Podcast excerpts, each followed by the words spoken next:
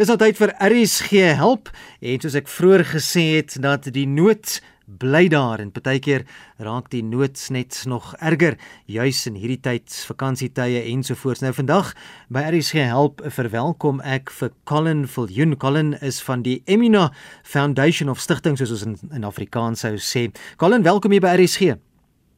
Baie baie dankie vir. Is lekker om jou te gesels Colin. Die lyn so bietjie sag as jy dalk net daai ehm um, daai spraakstukkie so bietjie nader aan jou mond kan hê dat ons jou beter kan hoor. Um, die lyn is, is so bietjie bietjie sag. Ek weet jy sê daar's tans 'n groot storm wat broei in Parys. Ja, ja, ek sien hy hy gaan 'n groot reën bring nou nou.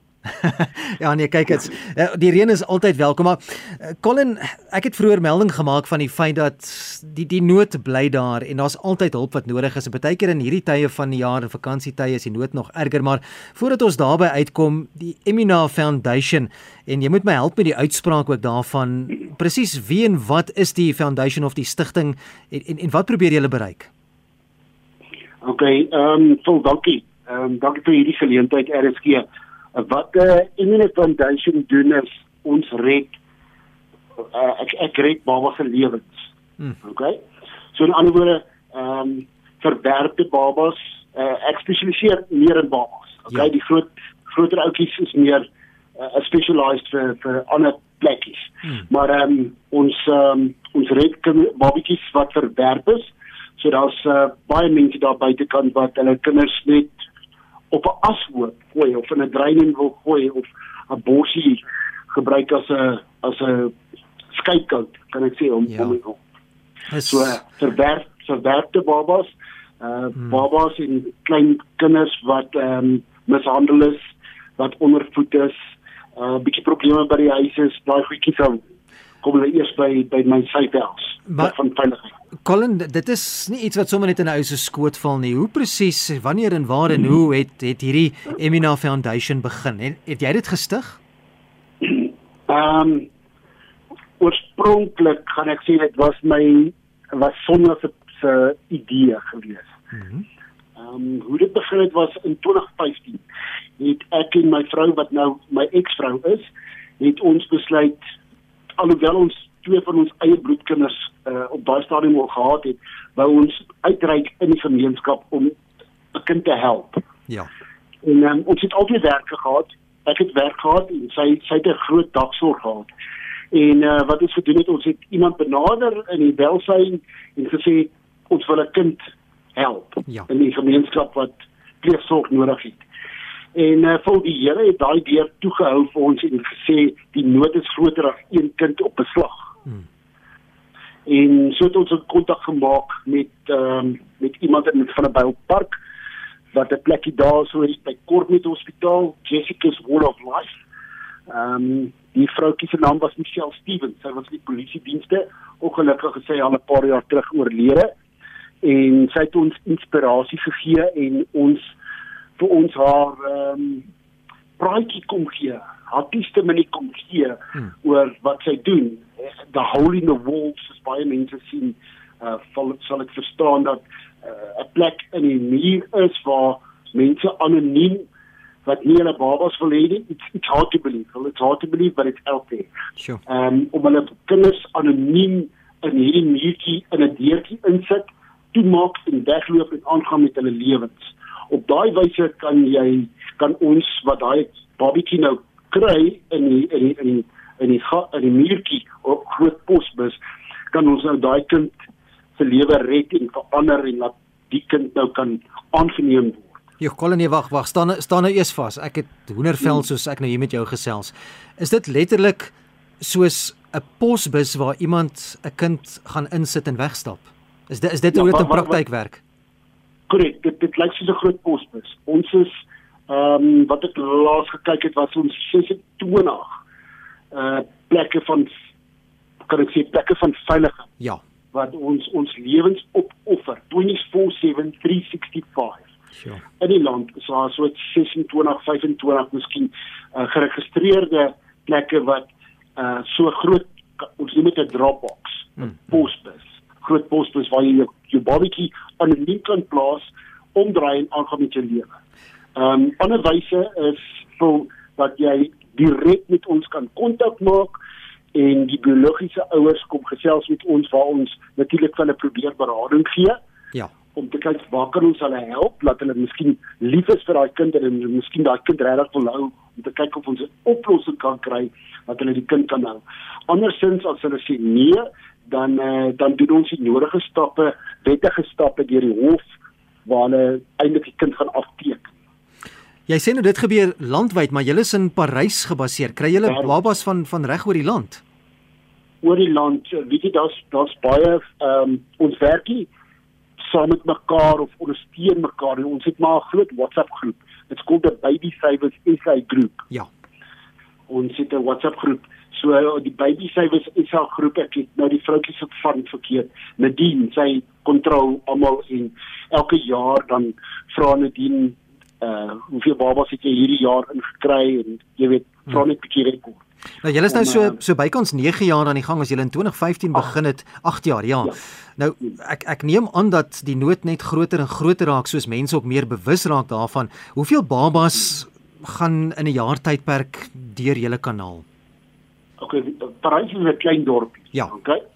Maar sou ek een kind gered het in 8 jaar Mm. dit was worthwhile. Natuurlik. Okay? Maar um, ek het al mm, in 8 jaar het ons 47 Ja. goed 47 kinders deur my hande gehad. Nie almal was ehm um, uh, uh, uh, hoe kan ek sê abandoned nie. Ehm um, verwerkte Ja. babatjies. Ja. Daar was bietjie groter kindertjies wat na ons na ons woning toe gestuur is deur die welsyn en deur die SAP want daar was 'n kind verwyder weens ehm um, mishandeling en Hmm. ander moeilike goedjies wat by die huis gebeur het. So Jy- jy dan praat nou word kind tydelik by ons geplaas. Jy praat van die SAPS en die maatskaplike werkers.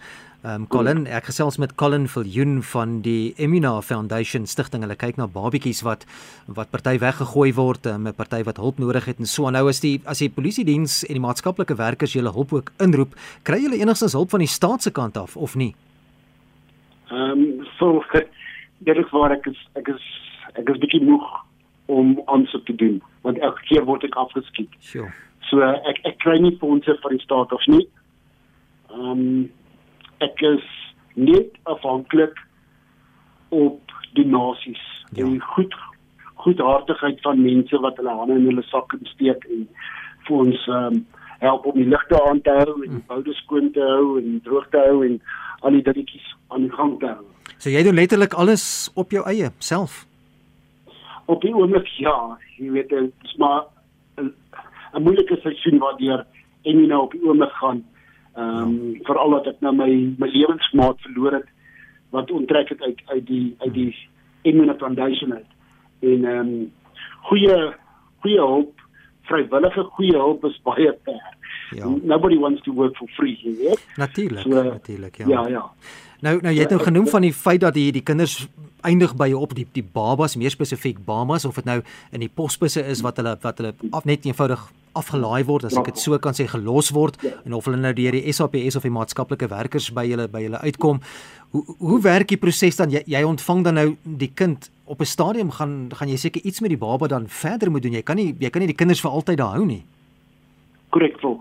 Okay, ek gaan so kort as moontlik hou hiervoor. Ehm um, as daar 'n babatjie deur die Dropbox kom.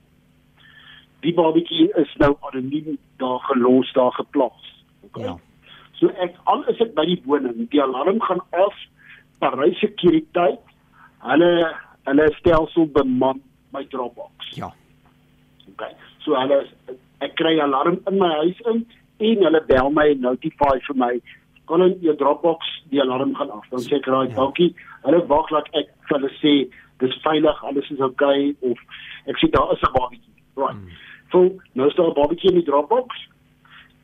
Die mense het al wegbeweeg Ja. van die Dropbox af. Hulle is weg. Hulle baie kere, meeste van die kere word dit in die middel van die nag gedoen. Hmm. Verstaanbaar Ja. so want hulle wil anoniem bly. So dan neem ek daai babatjie in. Ek kom in by die huis en die eerste ding wat ek doen na Parys sekuriteit my gebel het. Dan vra ek vir Parys sekuriteit om EMS te bel. Ja, hulle is 'n uh, um, die nooddienste hier in die dorp wat my ondersteun. Ja. Ja. So hulle kom uit, hulle kom kyk enige tyd, dag en nag is die babatjie oukei. Okay. Dis nou mediese mediese okay. dienste, medies ja, mediese hulp. Mediese dienste EMS, hulle kom uit, hulle kom kyk as die babatjie oukei. Okay. Ek sê die woord maklik nou, oukei. Okay. Ja. So, is dit nodig dat die kind om die babatjie nou onmiddellik hospitaal toe moet gaan? Hulle kyk na die hartklop, asemhaling, al daai goedjies. Right. Dan nou, dan ehm um, doen ek gaan ek na die SAP toe en ek doen net 'n inskrywing op hulle boek. Ja. Eh uh, wat aangeteken wat het nou gebeur. So ek stel hulle in kennis. Daarna stel ek die ehm um, uh, uh, uh, maatskaplike werkers se kantoor in kennis daarvan ook. Ja. So hulle hulle gee vir my 'n vorm wat sê dis tyd dis net 'n tydelike vorm wat sê raai ons almal weet nou daar's 'n babatjie by my. Van daar af maak ons 'n afspraak by die hof en dit word ehm um, uh, dan word bekragtig dat daar almal weet en die hof weet dat daar 'n babatjie anoniem by my geplaas is. Ja.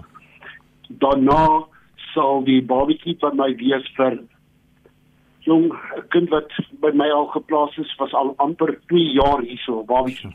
Hy was al amper 2 jaar oud voordat hy aangeneem is. So dit was 'n lang tydperk.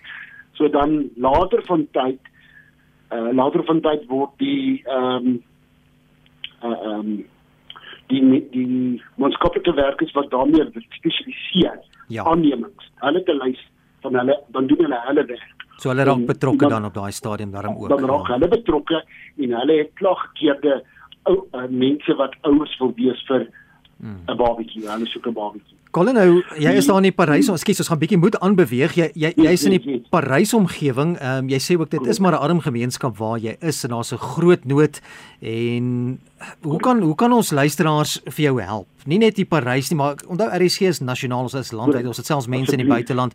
Hoe kan hoe kan die die luisteraars betrokke raak om jou te kan help met hierdie baie belangrike taak van weggooi kinders? Ja, ja. Ehm um, weet jy vir ek kan vir jou my telefoonnommer gee, my my uh, e-posadres, my fisiese adres. Voor jy dit doen, wat is skakel- Colin, Hmm. voor jy dit doen, wat is jou benodigdhede? Wat wat het jy nodig? Ek het 'n long-term en 'n short-term goal, so. Ja. Maar ehm um, heidaglik, my short-term goals from day to day. Kan ek vir jou sê is net om hier te kan betaal uh skoolfonds. Ek het twee ouetjies op skool wat hier by my is.